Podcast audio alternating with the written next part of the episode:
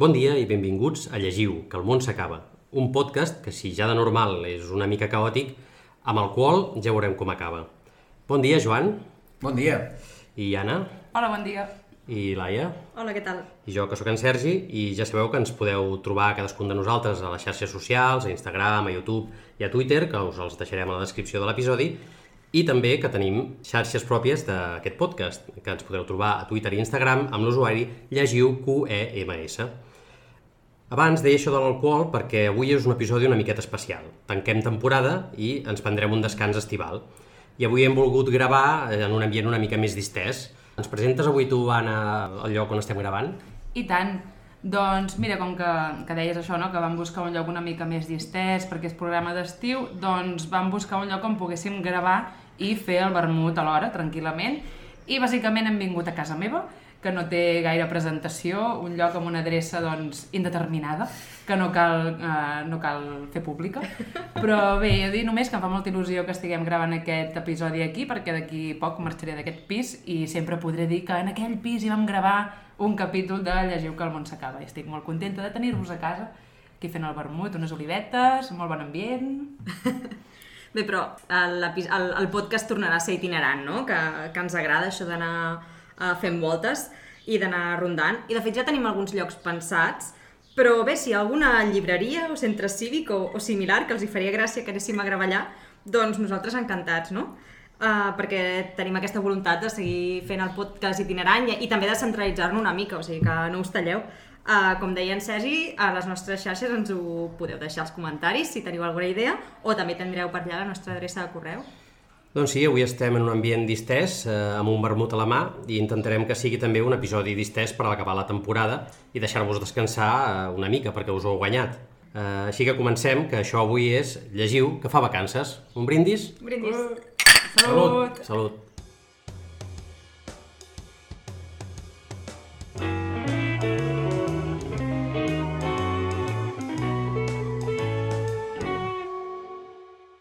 Bé, tenim un parell de temes que volem parlar avui, una mica distesos, no, no tan profuns en el tema literari, però per començar a mi m'agradaria fer una mica de balanç de, del que ha estat aquest podcast. Eh, hem gravat un total de sis episodis en aquesta primera temporada i m'agradaria eh, que vosaltres donéssiu la vostra opinió una mica de com ho heu viscut, què us ha agradat, quins són els eh, millors moments que recordeu de, d'aquests sis episodis. Eh, Joan, tu què, què destacaries de, de tots, tots aquests dies?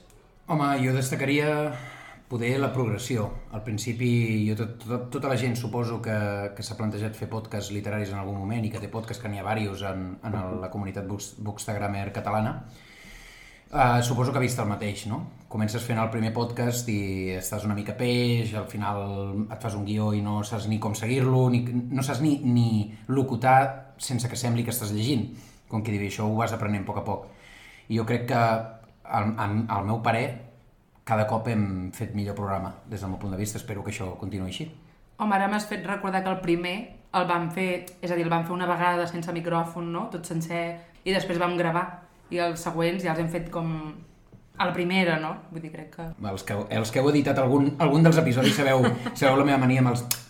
Que tothom sàpiga que, que si no se senten quan jo parlo és perquè hi ha gent aquí que fa molta feina o perquè l'he fet jo després en l'editat, però si no s'edita és terrible i això ha anat millorant, diguem-ne. De mica en mica. Clar. Ja sabeu que a la tele o també a la ràdio doncs, tot és fals i no tot surt a la primera, a vegades s'ha de, de repetir coses i sempre hi ha una feina d'edició.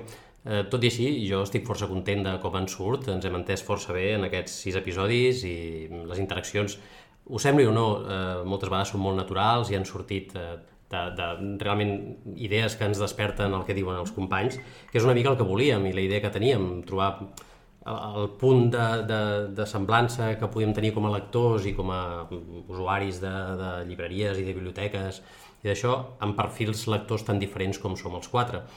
I bé, jo crec que això ho hem aconseguit, hem anat trobant eh, aquests punts i Laia, per exemple, tu creus que hem sabut arribar a la gent? Eh, creus que mm, el feedback que hem anat rebent i comentaris que ens han fet eh, la gent ha percebut eh, aquesta bona comunió que hem arribat a tenir nosaltres?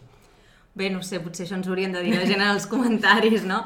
Però, però jo crec que sí, o si més no, segurament a, a l'inici potser ens havien fet algun comentari, no? De molt bé, però doncs potser això, no? de que potser es notava una mica, la, la, el que deia en Joan, no? de que estava una mica pautat, i, i al final eh, que no es noti que no està pautat és una perquè vas aprenent una mica i dos perquè no està tan pautat, no? Um, vull dir, abans eh, dèiem de quedar abans per, per fer-nos una mica de guió i fer un passe de guió i ara no negarem que quan quedem abans és per esmorzar. Estem fent ruta de cafeteries. Estem fent ruta de llibreries i biblioteques i ruta de cafeteries, vull dir que... I això és el que a mi m'agradaria també destacar, que jo reconec que quan a l'inici vam dir que sigui itinerant, com a idea, em semblava molt xula i alhora creia que seria difícil de gestionar. O sigui, tenia aquesta dicotomia i al final m'encanta això que anem fent la volta perquè estem descobrint llocs superxulos. Per exemple, l'altre dia a la Casa Usher, la veritat és que uh, per mi és un barri que jo no hi aniria i si no hagués fet una cosa així uh, no, potser no m'hi hagués acostat i ara és un lloc que he descobert i que segurament hi tornaré, no? I coneixem gent i també... A mi m'està agradant molt això que estigui itinerant i, i m'agradaria molt que la propera temporada seguís sent així.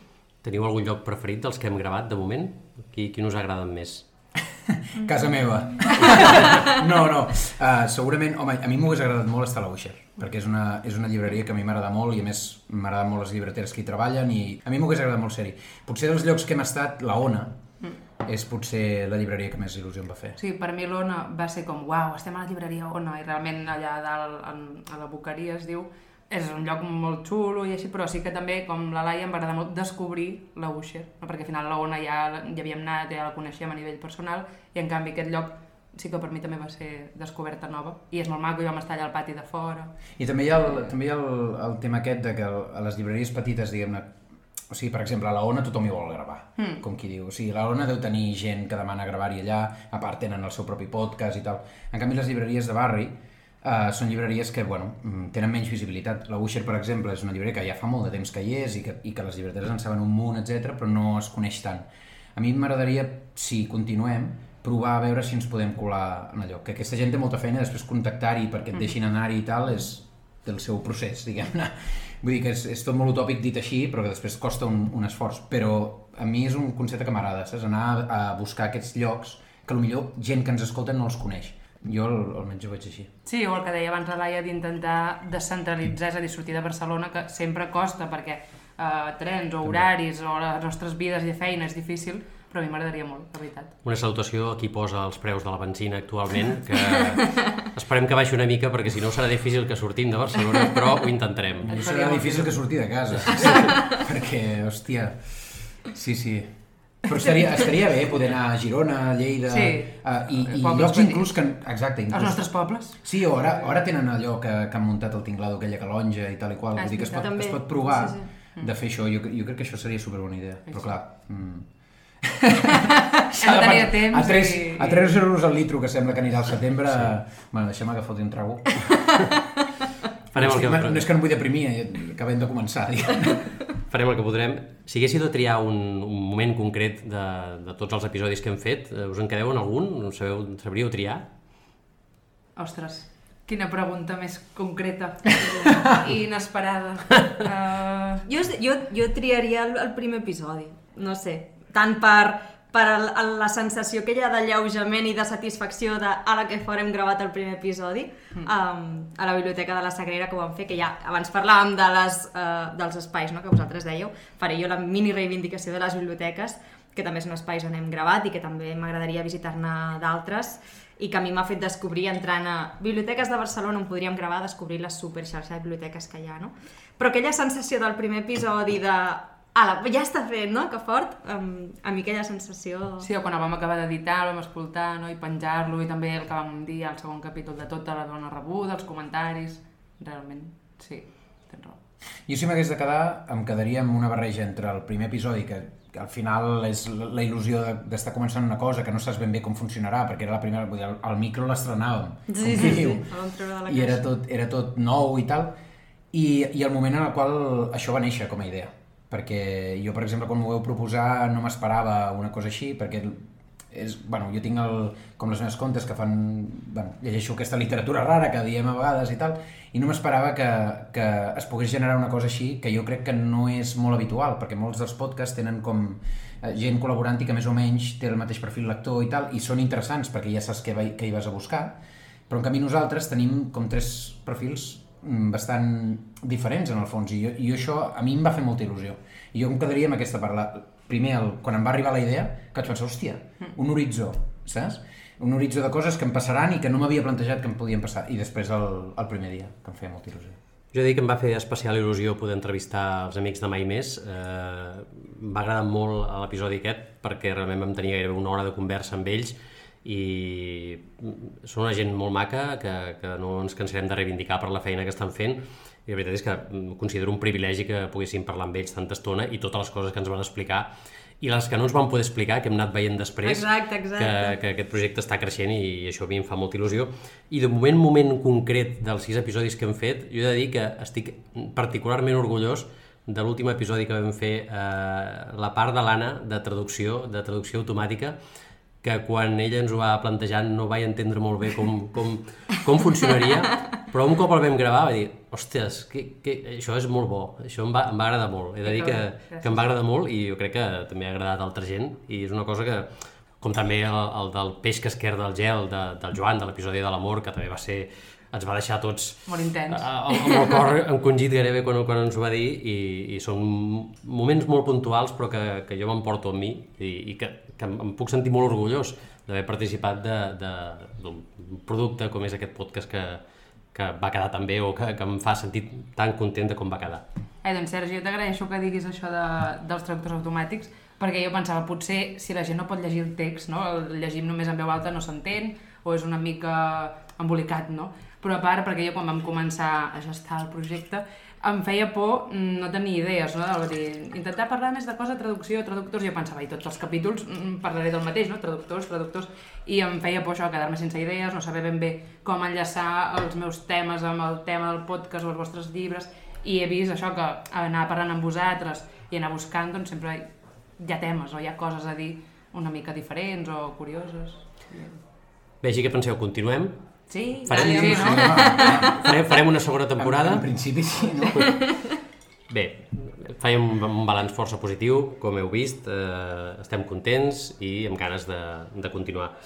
Eh, jo tinc un, un tema que us volia plantejar, no sé què penseu vosaltres, que és això de les lectures esta- estacionals. Eh, estem a l'estiu i hi ha alguna gent que diu doncs, que bueno, a l'estiu doncs, s'ha de llegir novel·la negra, per exemple, o fins i tot n'hi ha que diuen que és bon moment per llegir novel·la romàntica. Vosaltres us considereu lectors estacionals? Per exemple, a l'hivern, no sé, teniu unes lectures concretes o uns autors concrets, fins i tot. O us és igual una mica? Que sigui estiu, us fa llegir de manera diferent? Eh, què penseu?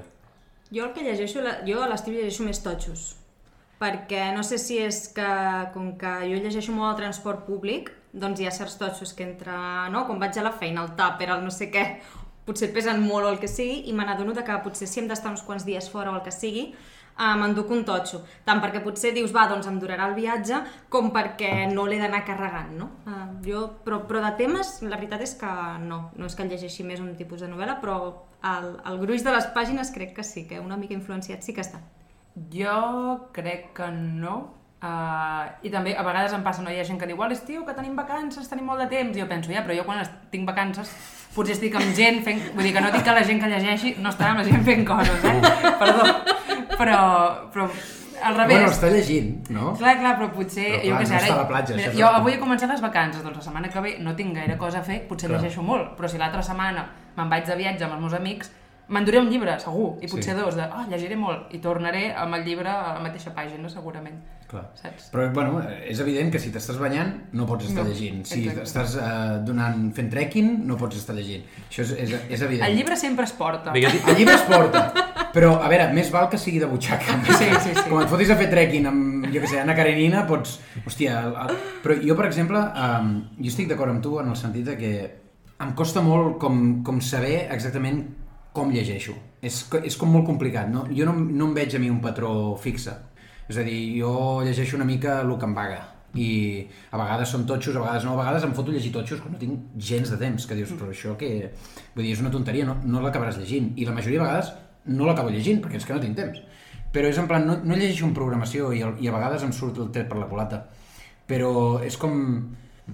Per mi ja va bé que sigui així. És a dir, al final, llegir fragmentàriament jo crec que està molt infravalorat.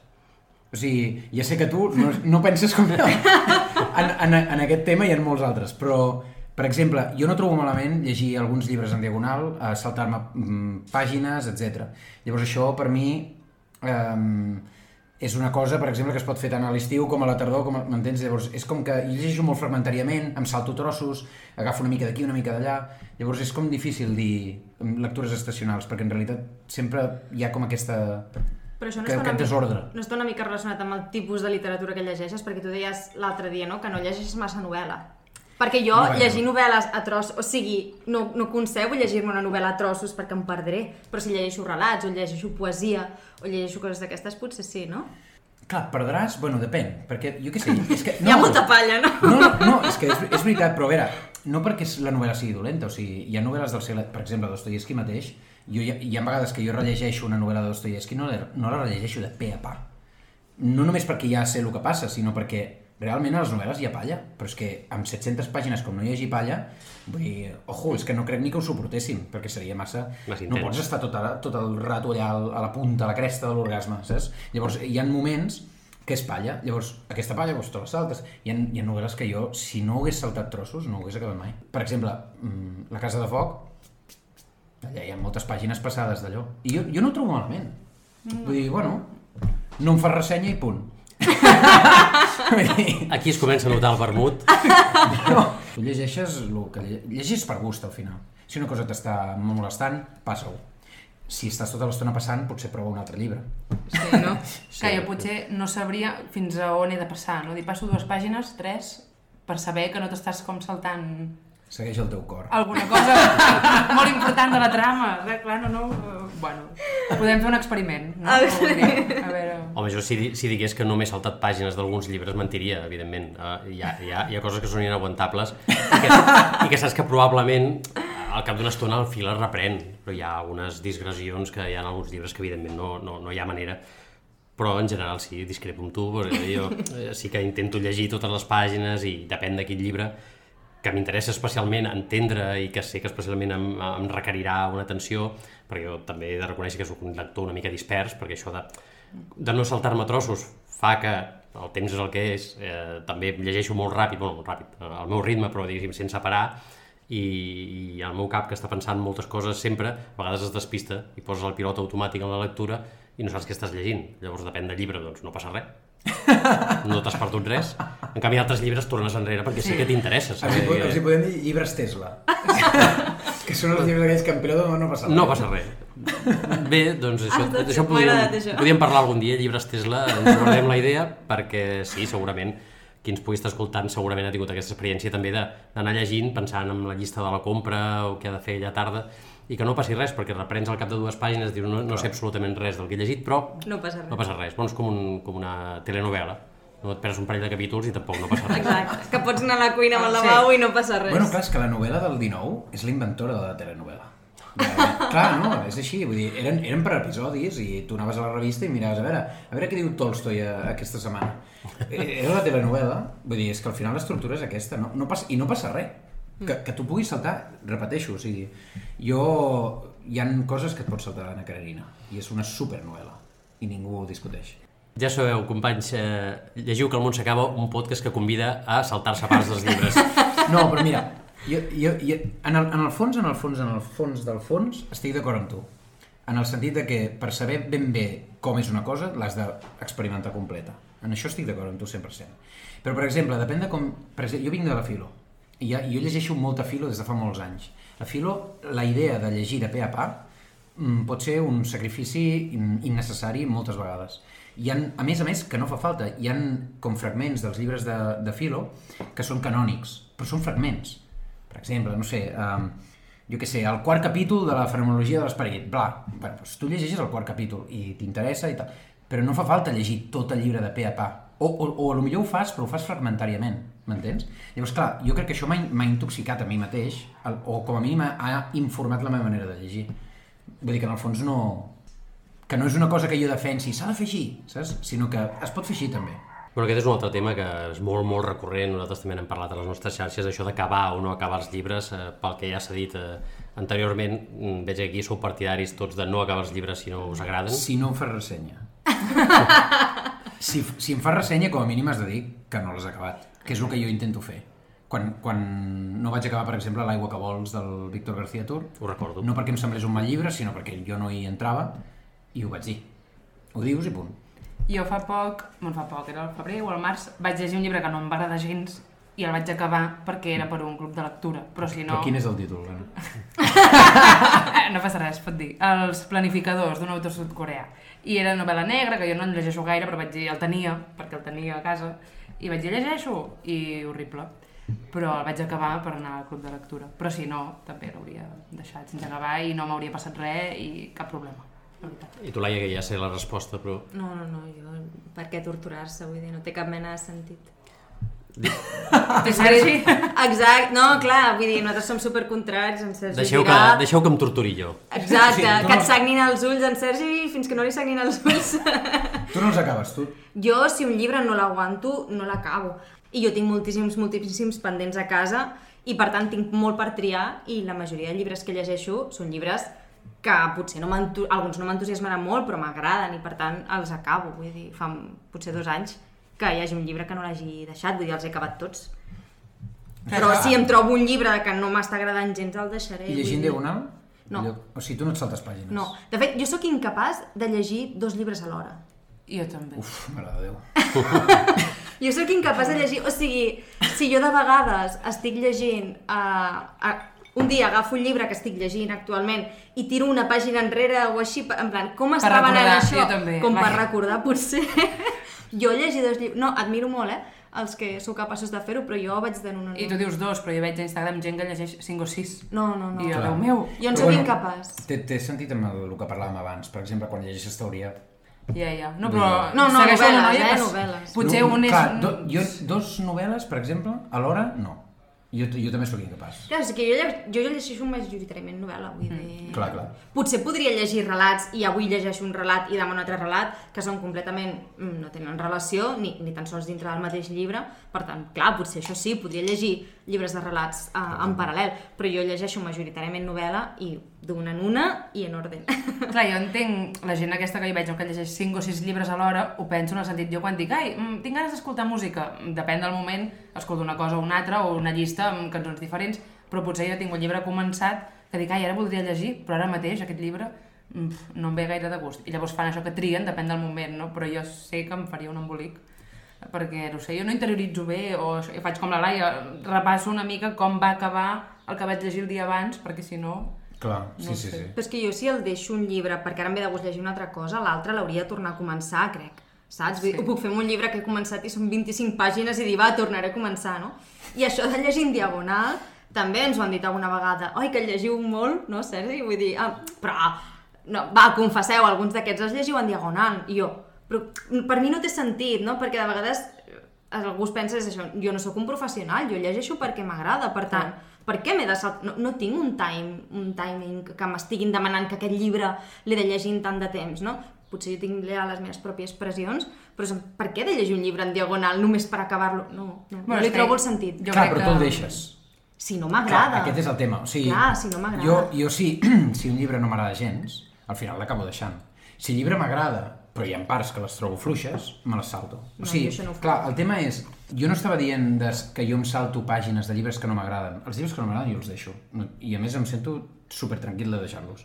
Però, però, bueno, jo què sé, hi ha moments que... A més, jo què sé, per exemple, tu llegeixes l'Ulisses i vaig... pots anar per capítols, perfectament. Vull dir, és que no... no... Cada llibre també és una història. Sí. Hi ha llibres que es poden llegir a capítols, inclús novel·les, eh? perquè Ulisses és una novel·la, i hi ha llibres que no. Jo, jo una cosa que us volia preguntar, no sé si... és quins llibres us hagués agradat fer entrar en, el, en els cinc capítols que hem fet, però no han pogut entrar per lo que sigui, perquè al final el tema no era el que havíem triat, o, o, no, o perquè, jo què sé, per qualsevol altra raó. Jo és que prefereixo guardar-me'ls per futurs episodis, perquè jo alguna idea tinc, algun llibre m'hagués agradat parlar-ne, però, Però digue'l. jo, jo crec que... Doncs mira, per exemple, la història de Shaggy Bain, que és un llibre que va publicar en 1984, aquest any passat, em sembla, i és un llibre que crec que es pot escaure molt a, a un episodi que gravarem probablement la propera temporada i ja en parlarem, però bé, és un llibre que a mi em va agradar bastant, que està ambientat a Glasgow als anys 70, diria 60-70, ara no recordo molt bé, i en el qual l'alcohol té, té un paper molt important. S'escau avui, però crec que s'escaurà Ah, bueno, més. pues, el llegirem, Sergi, el Sí, llegirem. interessant, interessant. Um, jo no tinc cap títol concret pensat, però ah, se m'acaba d'acudir ara mateix, eh? que potser fer algun capítol no dedicat a coses de literatura catalana, però sí intentar donar-li més... parlar una mica més d'autors d'aquí, que potser no ho fem tant perquè potser no els llegim tant, també ho dic jo personalment de mi mateixa. Però això, potser m'agradaria més també, Això està molt bé. no sé. I tu, Ah, jo, jo ara mateix no, no me'n ve cap al cap, la veritat, no sé, no, no sabria què, què dir.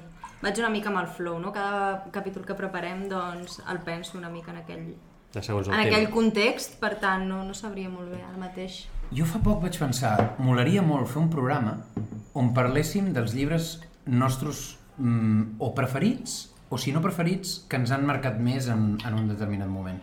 Perquè, per exemple, o sigui, en el meu cas, per exemple, seria un llibre de literatura infantil juvenil, eh? Però, però no, no us molaria fer un programa sobre aquest tema? Home, doncs estaria molt Sí. bé. Sí, sí. Sí, sí. guardar Potser és una mica egocèntric, perquè us explicaré la meva experiència. Segur que us importa un huevo.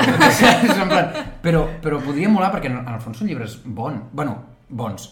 Ah, Per nosaltres ho van ser en algun moment. Sí, sí, no? et van marcar I per alguna cosa. Quins serien els vostres? Em faria curiositat saber-ho. Encara que ho dos, guardem? digue'n dos, Sergi, per si un cas després... No, jo te'n diré un justament i jo crec que acabaríem, Ah, bueno, acabaríem el tema fa poc, no? Ho vaig dir perquè sí. justament crec que l'estava llegint en el moment que, que vam gravar l'últim episodi i que el vaig llegir i el vam ressenyar al nostre compte d'Instagram i també en parlarem a YouTube, que és el meu llibre preferit d'adolescència, que era Quan un toca el dos, de, de la Greta, Anne Greta Wimberg, i l'he rellegit 31 anys després de- d'haver-ho llegit i clar, era molt especial aquell llibre per mi i fins i tot ara m'ha tornat a agradar. Però t'agafo la idea, t'agafo la idea, I de què, m'agrada... de què anava el llibre? Bé, és una experiència adolescent total, és una noia en plena pubertat i totes les experiències que et puguis imaginar de, de l'adolescència, ella les viu, les viu amb, amb el drama, el drama tot és superintens i superdramàtic i a mi em va agradar molt en el seu moment i mira, evidentment no, ara no diré que és el meu llibre preferit però ha sigut una molt bona experiència llegir-lo tant temps després. Llavors, eh, m'agrada com a idea d'episodi no només els llibres d'adolescència i d'infància, sinó també aquests llibres que ens han anat marcant al llarg de la història, perquè segurament potser alguns els recordem per motius concrets que, que no, no ens podíem imaginar que ens quedarien per allò, poden ser llibres bons o no, però que els vam llegir en moments molt concrets, jo crec que pot sortir experiències molt interessants que, que els podem compartir i potser a la gent li interessaria i segurament li, li despertarem molts records també. Quin llibre t'ha marcat a tu, Anna? Jo ara estava pensant i dic, com contesto això? Jo crec que tinc bastant borrós el meu passat lector. Però perquè jo, per exemple, d'adolescent, mmm, crec que no llegia gaire, per tant, vull dir, Harry Potter, Crepúsculo, coses d'aquestes, però crec que no... Vull dir, Crepúsculo no, vaig llegir primer i prou, eh? No, no, Però Harry Potter l'hem llegit... Bueno, jo, Sí, jo sí. llegia també, vull dir... Però crec que aquella època boom. tampoc... mm, Saps, la gent que et diu, jo llegia sota el, el llençol tapada la nit, i jo això no, no ho vaig arribar a fer, crec que no llegia gaire, llavors de petita sí que fa poc No vaig... tenies llençols? Però, és a dir, sí que llegia coses, però no tinc com, com en Sergi, que té aquest títol tan marcat, no? Sí que tinc alguns llibres, i fa poc els vaig intentar recordar els títols i vaig buscar a Google les cobertes, i ostres, aquests llibres no els tinc. Jo crec que en algun trasllat amb els meus pares els hauríem donar a algú, perquè no els tinc. I vaig pensar fins i tot de comprar-los a Wallapop per tenir-los, eh, per llibres aquests que recordo amb especial, sí. però són títols, bueno, la, les, com es deia? Mm, no sé què, de l'Alicia Paf, l'Alicia Paf, Hòstia, no recordo. Saps què és? Bueno, és que potser era de massa petita. O un que vam llegir a l'escola, a primer de primària, que el vam llegir en veu alta a la classe. Això me'n recordo que es deia el Xai Marcel, que era un xai que anava a la ciutat. Vull dir, aquest el recordo perquè el vam llegir frase per, frase per frase en veu alta amb els O companys de sigui, la... era un turista interior. Sí, que eren del vaixell de vapor, vull dir, llibres d'aquests d'aquests sí que en recordo molts. I tu, Laia? No és que siguin llibres superbons, crec, però que anàvem fent la col·lecció i que era d'aquests que llegíem així amb avidesa, que era tota la col·lecció aquesta de la penya dels Ai, sí. tigres. Oi, per favor. Ah. Sí, m'encanta. Tan guai. que tenien les lupes Sí, sí, i anaves... sí, sí. Doncs jo aquests en teníem un munt i com l'Anna tampoc sé, ja no hi són a casa, però, però sí, sí, anàvem fent, recordo allò de fer la col·lecció Amb aquella i cosa- per l'aniversari, per Sant Jordi i tal, anaven caient dos llibres, dos llibres, dos llibres, i eren aquells amics que eren detectius, no?, i anaven amb les lupes i et preguntaven coses i anaves... Sí, per, per la gent que no ho sàpiga, hi havia com un sobret. Decodi- decodificador. I- i- Un decodificador. Sí, hi havia un sobre al final del, de l'última mm, solapa. Uh, hi havia com un sobre i tu el ficaves i, i, i diguem-ne, hi havia com unes... Com, jo me'n recordo que hi havia com una mena de... Algunes de pantalla pàgines, gris, sí. sí, i tu ficaves la lupa sobre la pantalla gris i allà et sortia un, un super missatge on et deia està O- sota la pedra, ja que sé, el que Que sigui. fort, sí. I era... ai, Jo, O mini hòstia. puzzles, també. Hi havia coses que de vegades havies de pesadilles? manipular. Pesadilles ho llegíeu? No. Jo no tenia por, Clar, segurament. que jo no, no recordo que estigués en català, però jo Em recordo... sona que algun, però molt poc. Jo tinc imatges de, de jo a- aparcat al cotxe del meu pare, un Seat Toledo, en doble fila, i el meu pare venia de, de comprar el periòdico amb, les, amb els llibres de pesadilles. I jo me'n recordo que Sangre de Monstruo... Eren històries molt... molt eh, per exemple, un hàmster es menjava sangre de monstru i començava a créixer i Quina a fer-se gegant. Eren coses molt guapes, tio. Els llibres, els llibres segurament eren un trunyo, però, però hòstia, molava molt en el seu moment. Bé, no els esteu veient, però aquí la generació del 90, 91, estan molt emocionats parlant d'aquests llibres. Jo, que sóc d'una generació una mica anterior, eh, no tinc aquesta experiència, i a més us he de dir que m'heu divagat molt, perquè us he fet una pregunta i hem acabat aquí parlant de llibres d'infantesa. Està- Jo volia parlar de llibres estacionals, però si éreu lectors estacionals, eh, heu passat de mi. Deixeu-me deixeu fer una altra pregunta, a veure si aquesta me la contesteu una mica, jo crec que és més senzilla, intentem. Eh, reptes lectors. Últimament es parla molt de reptes lectors, se n'estan fent, actualment estem al, al juliol, que s'està fent aquest, eh, el Black History July que va muntar Tortalibros, que ja existeix un altre més, eh, més internacional, diguem, que, en el qual es llegeix llibres d'autors eh, afroamericans o afrodescendents, Eh, però aquí, diguem, en Tota Libros va muntar aquesta iniciativa del Black History July i hi ha molta gent que està llegint llibres doncs, eh, que passen a Àfrica o d'autors africans o americans eh, negres. Eh, vosaltres seguiu reptes? Sou de seguir reptes? Us agrada seguir-los o, o no? Laia, tu en segueixes algun? Jo estic llegint algun llibre per Black History July, a part d'això, alguna vegada pel Mars Asiàtic n'he llegit algun, però no faig el mes sencer. O sigui, jo si hi ha una iniciativa no em passaré un mes sencer llegint coses d'aquella iniciativa, a no ser que fos un llibre que em durés tot el mes, però uh, complicat que un llibre em duri tot el mes, perquè voldria dir que m'està agradant molt poc, segurament, o és massa totxo i m'hagués espantat.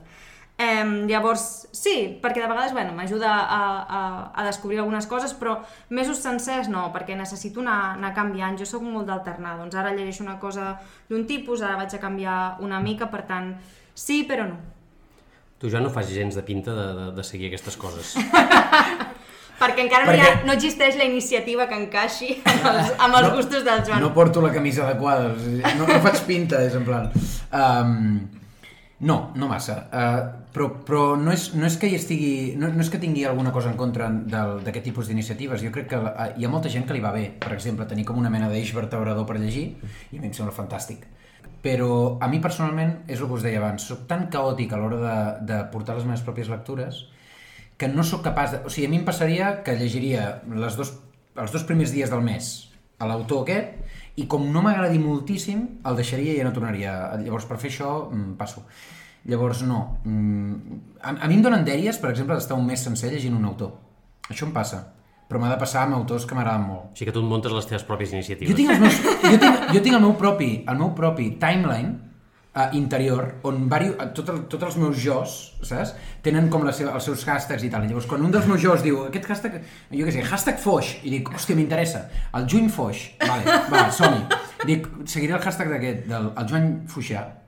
I és, és un problema. Un món, és un problema perquè no em deixen llegir tranquil. és, un, és un món interior apassionant el teu, eh? És un món dir. caòtic. Podem fer un Però programa no, no. sencer. De totes maneres, algun dia, algun dia potser si, si... Per exemple, en seguiria un que fos de poesia només. Hòstia. El Però d'aquests no em fan. No donis idees. D'aquests no em Jo fan. aquest, aquest no m'apuntaré.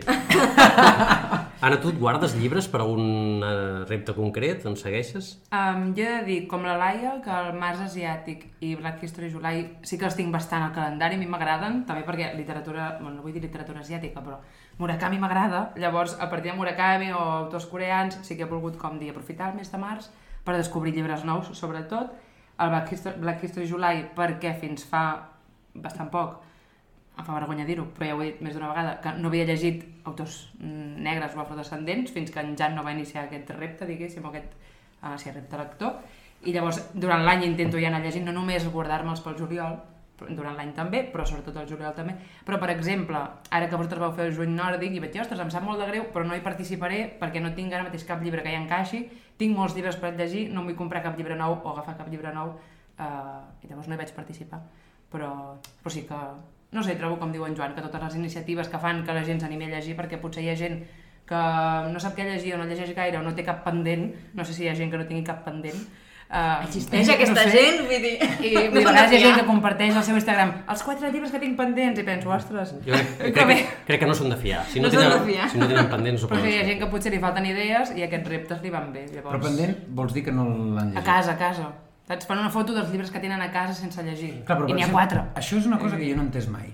Perquè és en plan, hi ha llibres que no has llegit, això és evident, i hi ha, hi ha llibres que has comprat i no has llegit, això també és evident, però llista de pendents. O sigui, uh, feines pendents sí, feina sí, però llibres, Sí. o sigui, un llibre no és mai una responsabilitat. I, i és el que estàvem parlant abans. Tu llegeixes per plaer. Per què pendents? Ja, no, potser no. Bueno, no és una manera No? de dir-li, Però jo, no? per exemple- Llibres sense llegir. Sense llegir, per exemple. O sigui, jo crec Sense llegir, que t'agradaria? Clar, el que passa molt és que... Però és molt llarg, llavors. Sí, Llibre clar, pendent. i que a qui, li agrada, a qui li agraden els llibres tendeix a comprar molts llibres Sí. i llegir-ne menys dels que compra. I això ens passa a tots una Sí. mica, no? Sí. I per això es va, es va inventar com aquesta categoria de pendents. Sí. Però en realitat el, la literatura mai és pendent. És, Vull dir- és literatura que no has llegit i ja està. Jo tinc molts llibres a casa que no he llegit, però en realitat m'agrada perquè així quan he de començar un llibre nou no puc anar a la meva prestatgeria, mirar com si estigués a la biblioteca i dir, ai, ara aquest, ara tal. Vull dir, no em desagrada aquest fet, però a part dels llibres que jo tinc aquí a casa sense llegir, també tinc una llista virtual a Goodreads de llibres que algun dia voldré llegir que no tinc ni comprats, mm, però que vull de tenir-los detectats, saps? Per no dir de cop, ai, mm, I què tens pendent? no molts estan allà. Vull dir que no, no m'has arribat a comprar per no comprar més, però sí que algun dia, quan potser hagi baixat els que tinc a casa, perquè tampoc vull tenir 200 llibres a casa sense llegir, me'ls vull comprar o que algú me'ls deixi i no vull perdre'ls de vista, saps? Que jo tinc molt mala memòria. Però aquests es podrien considerar la llista de desitjos que els diuen o, o Sí. els vull llegir. Algun dia. Tal. Per mi, eh, pendents, que no, no és que sigui una obligació, no, no me'ls prenc així, pendent per mi significa ja comprat o mm, aconseguit d'alguna manera i que està a casa. O sigui, Clar. llibres no llegits que tinc a casa. Per mi aquests són els pendents, que la llista és infinita, evidentment la llista de que no tinc a casa és encara més infinita, però bé, no el considero pendent fins que no entri. Mm, probablement acabarà entrant. Cadascú té les seves classificacions. Sí, bueno, jo tinc classificacions per tot, ja ho sabem, però, eh, però és això. Dir, per mi els llibres pendents són, són aquests, els que ja estan a casa i eh, bueno, es van acumulant. Com deia el Joan, Criant pols. últimament entren més dels que, de, dels que... O sigui, els pendents cada vegada són més, per dir-ho així. Um, no, jo només enllaçant amb això que parlàvem dels reptes, o sigui, crec que sobretot per mi personalment són molt interessants. A vegades pot col·lapsar, no?, de dir, ostres, cada mes hi ha un repte. I bé, està clar que no hem de participar tots els reptes, ni obligatòriament, ni ningú ens ha de forçar, ni ens hem de sentir malament si no hi participem, però jo crec sobretot que estan bé perquè, per si com la, pots, pots tu voler llegir sempre el mateix i autors que ja tens molt per la mà, però si dius tinc ganes de descobrir autors nous, tinc ganes de em, sortir de la zona de confort, això que es diu ara, doncs crec que els reptes estan molt bé per això, sobretot. A mi, ai, perdó, bueno, a mi també m'ha servit per, per veure biaixos, que mm, és, això ho parlàvem un dia, no? Sempre llegiríem literatura anglosaxona o francòfona o no? el que tenim més a prop, i a mi m'ha servit per veure biaixos. Independentment de que t'hi apuntis o no, doncs potser, no, amb això del juny nòrdic, ostres, no he llegit mai ningú noruec, I per, em cal a la vida, no, però, ostres, potser és interessant el simple fet de saber jo mateixa donar-me'n de que no he llegit mai ningú noruec i ja, i ja està, no? Vull, no Si m'hi queréis, Ibsen. Una samarreta.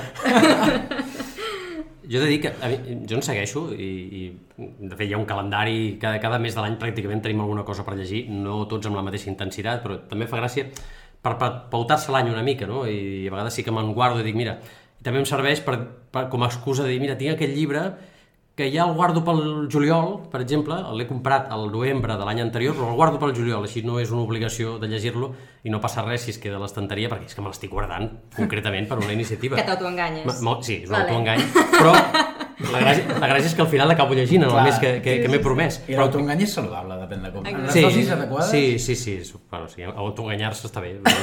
és, és, és necessari a vegades. Quan veus la lleixa de pendents, eh, aquestes coses són totes aqu- aquestes trampes que fem mm, per, per, per justificar que hi ha 100 llibres allà en- encaixonats en un, en, una, en un caixó a casa que no hem llegit i dius, sí, mira, aquest ja... No, és que no el llegeixo ara perquè me l'estic guardant. està tot pensat, ja. Està tot pensat. Però he de dir que més que seguir els reptes, mm, gairebé més- m'agrada més muntar-los. M'agrada incitar la gent a llegir i, i tal, el que passa que acabes veient, hosti, jo monto això, però l'altre monta una altra cosa i l'altre em vol fer llegir el mes que ve una altra cosa. La veritat estem és que saturant ho estem una saturant mica. una mica i al final és el que comentava la Laia fa una estona, que mm, llegim per plaer i t'ha de venir de gust. Llavors eh, també tenim pendents de llarga durada que, que ostres, els vas intentant colar entre novetats que també vols llegir i tal, per, perquè no se t'acumulin i perquè saps que si no llegeixes ara eh, vés a saber quan el llegiràs. I s'ha de dir que, que, que això de llegir per obligació quasi mm, és, és difícil i que cada mes tinguis una obligació acaba saturant i S'ha de deixar fluir. s'ha de deixar fluir i crec que t'anima que al final direm mira, aquest any no participo a res aquest any llegiré el que em surti mm, i, i, i no faré cas a res I serà igual de vàlid Clar, i clar, igual de clar. correcte. serà És igual que de vàlid que se m'enfadi qui sigui no? Jo parteixo de la base de que l'estructura ajuda a engegar alguna cosa. Per exemple, el fet de que hi hagi una estructura en la pròpia lectura. Però serveix com per engegar. Però un cop estàs ja posat, és bo saber tenir cintura, diguem-ne. Perquè el tema és que quan l'estructura es fa molt rígida i, i aquest, al juliol tens això, i a l'agost tens allò, i el tal, i ha de ser tot el mes, i... Jo vaig bé, per exemple, el de llegir-lo, però no durant tot el mes. Perquè al final, quan l'estructura és massa rígida, acaba perdent la seva funció original, i el que fa és perdre tota aquesta embranzida que t'ha ajudat a tenir, perquè és veritat que t'ajuda, després te la fa perdre. Llavors, saber, mm, com, di, com deia aquell, saber tirar l'escala un cop has pujat és l'ideal. És possible que participis en un Black History July, es diu? Mm -hmm. És possible que hi participis en un i a partir d'aquell tu vegis un autor que t'agrada molt, per exemple, com es deia el, el, de, el de Friday Black? És que no em feu dir el nom, Ui, eh? tu nom Sí, sí. Bueno, l'autor de Friday Black, Sí, sí. aquells contes, per exemple, jo, jo és dels pocs autors eh, afroamericans que, que he llegit, estaven molt bé, estaven molt bé. Si jo ho hagués descobert aquell, aquell llibre de contes en un Black History July, potser segueixes aquest home. I quan el tornen a traduir, el tornes a llegir. I és al novembre. Exacte, Sí, sí, cap sí. problema. Vull dir, Cap problema. Vull dir que per això té molta... serveix molt, jo crec. Com els clubs de lectura. bé, gairebé no m'ho puc creure però m'heu contestat a la pregunta això està molt bé Has vist? Ho hem provat. ho hem provat. Bons alumnes. Està bé. Parlem ja una mica d'aquest estiu, perquè ara descansarem mes i mig eh, o així, tornarem al setembre, moltes ganes, com s'ha vist, eh? tindrem moltes ganes, però heu fet una mica de previsió lectora per, per aquest estiu? Sabeu més o menys eh, el que penseu llegir? Teniu sobre la taula ja alguns llibres? I una pregunta també, que ho ha apuntat l'Anna, eh, quan feu vacances, vacances estrictes, és a dir, que esteu fora a l'estranger, per exemple, o en algun lloc descansant, llegiu més o menys que, que de normal? Jo no tinc gaire, plan, gaire planificat l'estiu lector, però perquè a mi m'agrada molt quan acabo un llibre o quan estic acabant un llibre pensant al següent, no hi ha dit aquest estiu vull llegir aquests llibres, perquè em planifico i després no, no compleixo la meva pròpia planificació.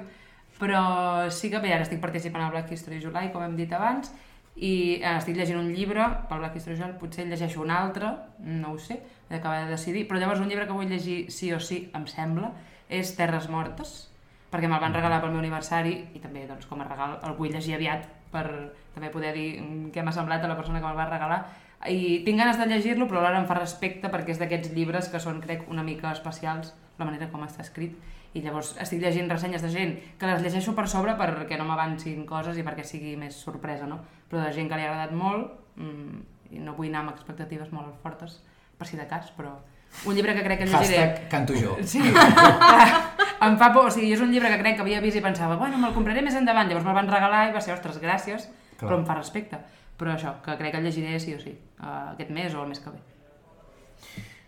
Mm, no en tinc ni idea. Uh, així com d'entrada, segur, segur, segur que llegiré alguna cosa de Roland Barthes, de teoria, però no tinc ni idea de quin llibre serà. A lo millor fragments d'un discurs amorós, que el, que el tinc llegit com a fragments i a lo millor llegeixo sencer. I així com a novel·les... Um, ara estic intentant... Mira, per exemple, s'acaba d'editar una cosa que a mi em fa especial il·lusió, que és El vell estiu, de Cesare Pavese, per exemple. Que és un tio que té un estil relativament assequible, o sigui, no, no és un tio que faci coses rares amb l'estil i tal, però que al mateix temps eh, tot el que fa és, és boníssim i en concret la seva poesia és boníssima. Jo em sé estar poemes de memòria seus i és, és brutal. I en canvi les seves novel·les no les tinc molt llegides. I l'acaba d'editar Univers, amb traducció de Pau Sanchís, és un, és un llibre que està editat, no sé si fa un parell de setmanes, i que em, em ve molt de gust llegir i parla una mica del pas del temps, segons tinc entès. Jo crec que aquesta la llegiré segur. Jo no sóc planificar, ni de vacances ni sense vacances. Mm, La veritat és que vaig una mica sobre la marxa. Eh, com he dit abans, jo crec que quan estic de vacances llegeixo llibres una mica més gruixuts, aquells que potser em fa més pal carregar en el dia a dia, també perquè potser tens una mica més, més estones, no? doncs a- al vespre o coses d'aquestes. I bé, un que crec que vull llegir aquest estiu és el de La ciutat de les dames, de Cal Carrer, que ens va tocar en un sorteig, eh, crec que és el primer sorteig que ens ha tocat a Book Hunters, i com que no he estrenat encara l'editorial, entre que és gruixut i no he estrenat l'editorial, l'altre dia el veia allà a la lleixa i vaig pensar, va, a veure si aquest estiu aquest el, el faig cabre perquè em feia ganes llegir-lo. Doncs jo ara us, us diré una sorpresa increïble. Jo tinc planificat l'estiu L'estiu, la tardor i l'hivern No ens 2023. esperàvem. Matins i tardes. No, no es podia saber. Mm, Jo ja tinc un juliol que no sé si podré completar, però bé, tinc tot el, tot el juliol previst i a l'agost doncs, eh, hi ha una altra iniciativa d'aquestes que és eh, l'agost italià que es muntarà també per, parteix del, de, del reducte català que el, que el... Però heu deixat algun més lliure o no? No, ja no en queden. O sigui, però què, o sigui, sabríeu dir-me d'aquí al desembre què toca cada mes? Cada mes jo crec que. Una mica sí. Sí? sí. No, El Sete- Sergi sete- setembre i novembre. El Sergi ho sap, segur. al setembre, de moment no hi ha res, però el reducte català s'estava parlant l'altre dia de muntar alguna cosa ja. I, però Ja de què? D'autors catalans? Eh, no es pot dir perquè la persona que ho volia muntar no ho va acabar de dir, no ho direm. I a l'octubre? A l'octubre... Llegeixo autores lle- llegeixo- d'octubre. Llegeixo autores a octubre. I al novembre? A novembre segurament coses de por i aquestes coses, o, I Ah, o a l'octubre sí. Ah, per també em Tots Sants, sembla. Tots Acadèmia. Sants. Dark I- Acadèmia, Dark Acadèmia al novembre. Al desembre em sembla que és lliure. És lectures cozy, perquè és Nadal. Ai, cozy. Cozy. Ah, sí? Què és cozy? Cozy. A mi no m'insurte, eh? Home, lectures cozy. Cookies. Són aqu... no les de... que clar, de tacit... Herzopper. No, bueno, potser sí. No, lectures d'aquestes, doncs, potser d'històries eh, ambientades en el Nadal, conte de Nadal de... Hòstia, però allò és molt, és molt, és molt... La gent ho llegeix, no És ho molt sé. grimy, Hi ha allò. gent que diu que cada any per Nadal llegeix això. Jo no l'he llegit mai, no ho sé. Però lectures cozy són aquestes així com de tasseta de, de xocolata calenta, d'estar al sofà. Que no sé exactament neva, què vol dir, jo no ho faig. Amb tot, Però el, ca- amb tot el que neva aquí. Hi ha gent que ho fa, vull dir, no ho sé. Això, Hòstia. perquè és Nadal. Lectura estacional de Nadal, així com...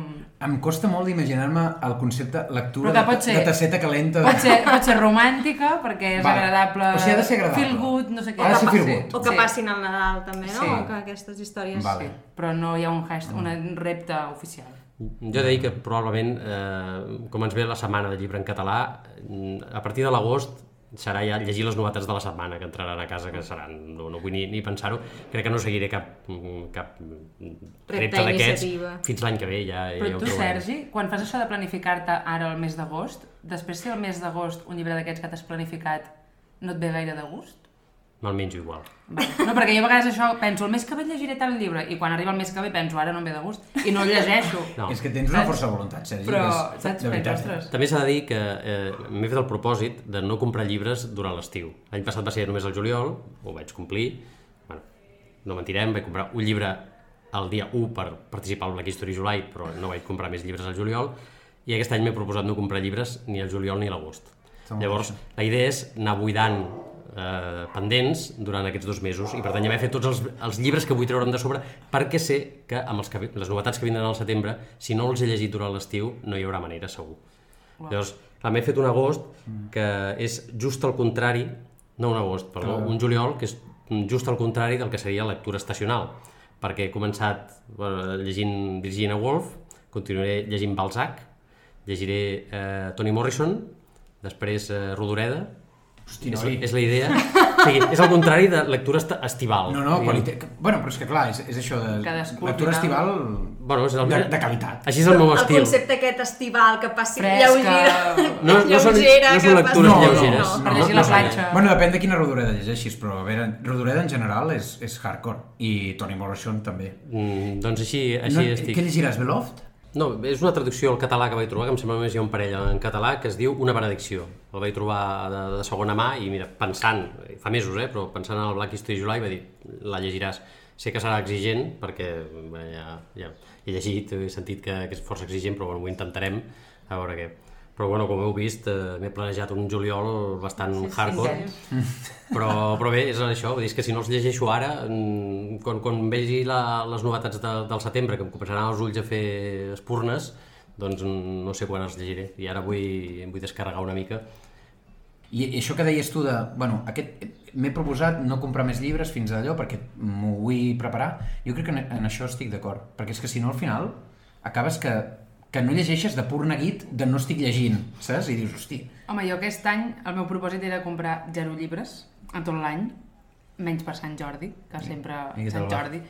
Vaig comprar dos llibres per Sant Jordi, un original en català i una traducció, perquè jo faig això cada any, i llavors jo diria que, no vull mentir, eh, però tinc Terres Mortes, però perquè me'l van regalar, no puc dir... No, No, clar. no sé, me'l van regalar. I llavors, l'altre dia que vam anar a la casa Usher, i em vaig sentir una mica temptada, i vaig dir, home, més que hem vingut aquí...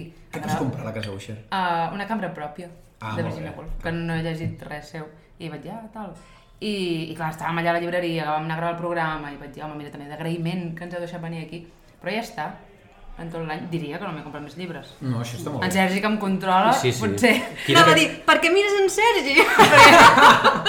perquè a vegades em va controlar. Un dia vaig agafar un llibre de la biblioteca i em va dir, Anna, això és fer trampes, És, i jo, bueno, ja... és que no la crec, no la crec, perquè això de no comprar llibres en tot l'any per mi saps? és... És És que, que- que faci no, que però- el que vulgui, pobre. Clar, el problema és, per exemple, jo, jo, mira, ara faré una petita confessió. Jo, les primeres setmanes que anava, em deixava entre 200 i 270 euros.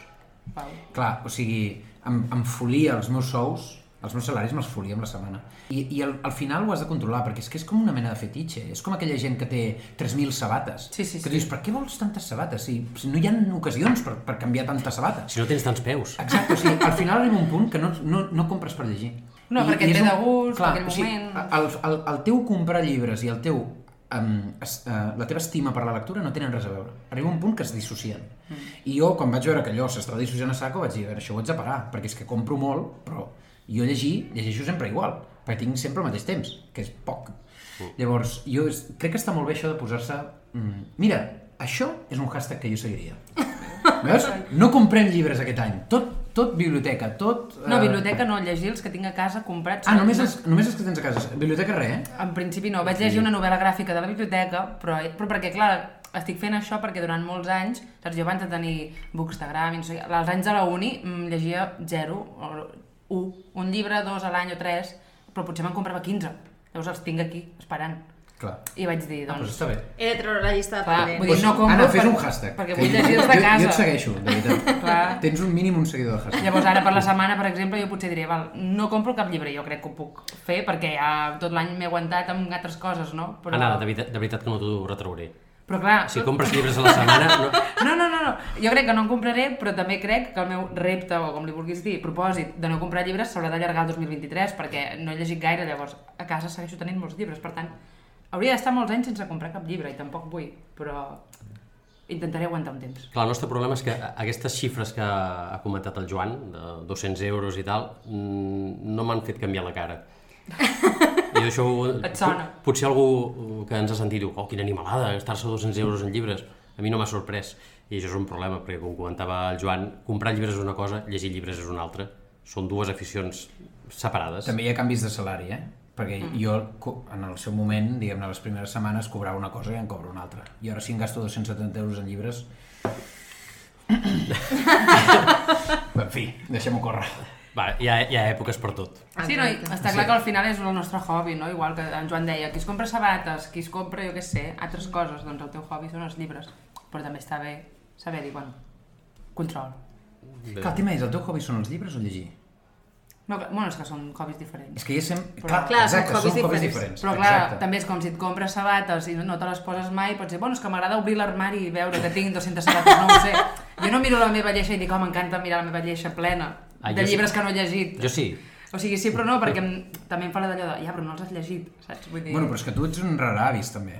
Perquè tu et compres molts llibres, però tens una, una estructura molt clara de lo que llegiràs, tu prepares molt... Clar, si, si tu... No estic... Mira, la primera persona en el món que considera posar zero la seva llista de pendents és el Sergi Porcet. Cata Catalunya! Ho has de saber. O sigui, serà la primera persona en aconseguir-ho, perquè hi ha aquesta estructura. Però jo, per exemple, no la tinc. Jo hi ha molts llibres que, que els he comprat i, i els he venut després. És que és així. Mm. Els he acabat venent a, a Ririt perquè és que després, posant-hi seny, dius, és que no me'l llegiré en la vida. Ja, no, no, de Sisplau, gestionar. deixa'm preguntar-li a la Laia si, si creu que és cert això que has dit.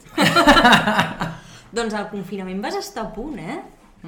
A punt vol dir que vaig deixar amb 50 llibres pendents. Ah, sí? sí? Tants n'hi Sí, havia? sí, sí. No sé, és que estaves confinat en aquella No, no, habitació. em va anar molt bé, el confinament va anar molt bé. Jo un parell de pandèmies més, jo crec No. que ho, jo crec que ho trobem ja. Un parell de pandèmies, un parell de guerres i, i ho deixem a dos o tres. Sí. Jo voto no. No. No, no. Clar, hauria de ser de manera... O sigui, això, això que ha dit en Joan passarà de manera forçada. No, no amb en Sergi Porcet campant lliure pels carrers de les això llibreries. No, això no, això no. Això no passarà. Si em deixen sortir és un Has d'anar a la setmana sense targeta, ni cartera, ni diners. No passarà. Creus que podria? I despullat. És un repte. que no te'ls puguis amagar enlloc, saps? Bé, companyes, un incís i, i bueno, dir una cosa, no sé si s'ha notat, però hem passat a la ratafia Sí. i potser sí que s'està notant amb això. Jo mm, aniria acabant. Sí, que si, no si s'allargui. us sembla bé, No- perquè... no fos cas. No fos No cas, fos cas. perquè la cosa pot anar pitjor. Uh, jo penso que hem tingut debats molt interessants, uh, almenys a nosaltres ens ho han semblat, i com veieu doncs, hi ha tants tipus de, de lector com de persones. Uh, ho anirem deixant, com diem, uh, és un plaer compartir aquest podcast amb vosaltres, companyes. Igualment. Igualment. Eh, esperem que sigui per molt temps, perquè ho hem passat molt bé i esperem que la gent que ens escolta també s'ho hagi passat molt bé. I com sempre us faré la pregunta de rigor. Eh, què esteu llegint ara? Laia, tu què, què llegeixes? Jo ara estic llegint Alba, d'Octavia Butler, en el marc del Black History July. Um, però bé, vull dir, ja el volia llegir i va ser mirar, buscar Octavia Butler i veure que era una autora afroamericana, no? Uh, doncs bé, hi ha molta enginyeria genètica, llavors jo em, em mola això, vull dir, és com estar mig a la feina, mig, mig llegint. Però bé, molt, molt interessant. El, el té Mai Més, l'ha publicat Mai Més. És el primer llibre que va publicar Mai Més, de fet. I tu, Joan? Jo estic llegint, tris- rellegint més aviat, uh, Tristany i Isolda. Perquè Caram. Dale. em, em venia de gust llegir una, una novel·la d'amor i aquesta és bastant brutal i em va, em va, em va fer el pes. Lectures lleugeres, com dèiem per l'estiu. Doncs pues mira, jo crec que... A veure, lleugera no sé, eh? Perquè, perquè la veritat és que la concepció d'amor que tenien aquella gent eh, és, a, nosaltres ens, ens sembla com a mínim brutal, és el que deia. Però és un llibre molt, molt, molt bonic de llegir, es llegeix relativament senzill, són 112 pàgines, és veritat que la traducció del Carles Riba comença a estar... No, no aniria malament una traducció nova del text de, de Joseph Vedier, però, però, hòstia, és un llibre que recomano molt, sobretot a aquella gent que li agradin les històries d'amor, és curiós perquè abans l'amor es veia com un problema per a les convencions. I ara, que tot està superconvencionat i tot està superadministrat, l'amor es comença a veure com l'ún- l'única alternativa a la vida administrada. Està, està guai. Llavors jo ara necessito l'amor per, per trencar una mica amb, la, amb aquesta administració de tot. Baixa'ns una mica, Anna, tu què llegeixes? Uh, doncs mira, jo com la Laia estic participant al Black History July i estic llegint Germà de David Chariandi amb traducció de Marc Rubió i que aquest és el llibre únic de l'altre editorial d'aquest any i sí, també com a falca de Fira del Llibre Únic m'està agradant molt, la veritat és bastant breu uh, i m'ha enganxat bastant I tu, Sergi? Doncs bé, jo estic amb Virginia Woolf, també tornant-ho a intentar, després de dos intents amb ella. Eh, ja sabeu que és una escriptora exigent i que costa una mica. El primer intent que va la Dalloway, complicat. Eh, La, la Laia li va agradar més que a mi. Eh, després una cambra pròpia, que espero que l'Anna llegeixi aviat, que m'agradarà molt compartir experiències amb ella, que em va agradar molt més, en format assaig, eh, em va agradar. I ara, intentant posar-hi els cinc sentits, doncs estic llegint Cap al far, que és la nova traducció que ha tret la Casa dels Clàssics, la Bernat Metge Universal, eh, amb traducció de Xavier Pàmies, que realment està molt bé. És una traducció que me l'està fent força accessible i fixant-m'hi una mica, doncs de moment no, no m'he perdut i m'està agradant prou. que guai Doncs res, uh, moltes gràcies per escoltar aquest episodi així tan eclèctic o... no sé com definir-lo, però Sense bé. guió, sense Exacte, guió. tal com raja. Vermutífic. Bé, exacte. Esperem que us hagi agradat. Uh, com sempre diem, perquè l'espera fins al proper programa se us faci uh, menys llarga, doncs ens podeu trobar a les nostres xarxes, als nostres respectius canals d'Instagram o de YouTube, que com sempre us deixarem a la descripció. Esperem que passeu totes i tots un molt bon estiu i ens retrobem al setembre, així que, mentrestant, llegiu que el món s'acaba. Últim brindis? Últim brindis. Salut! Salut!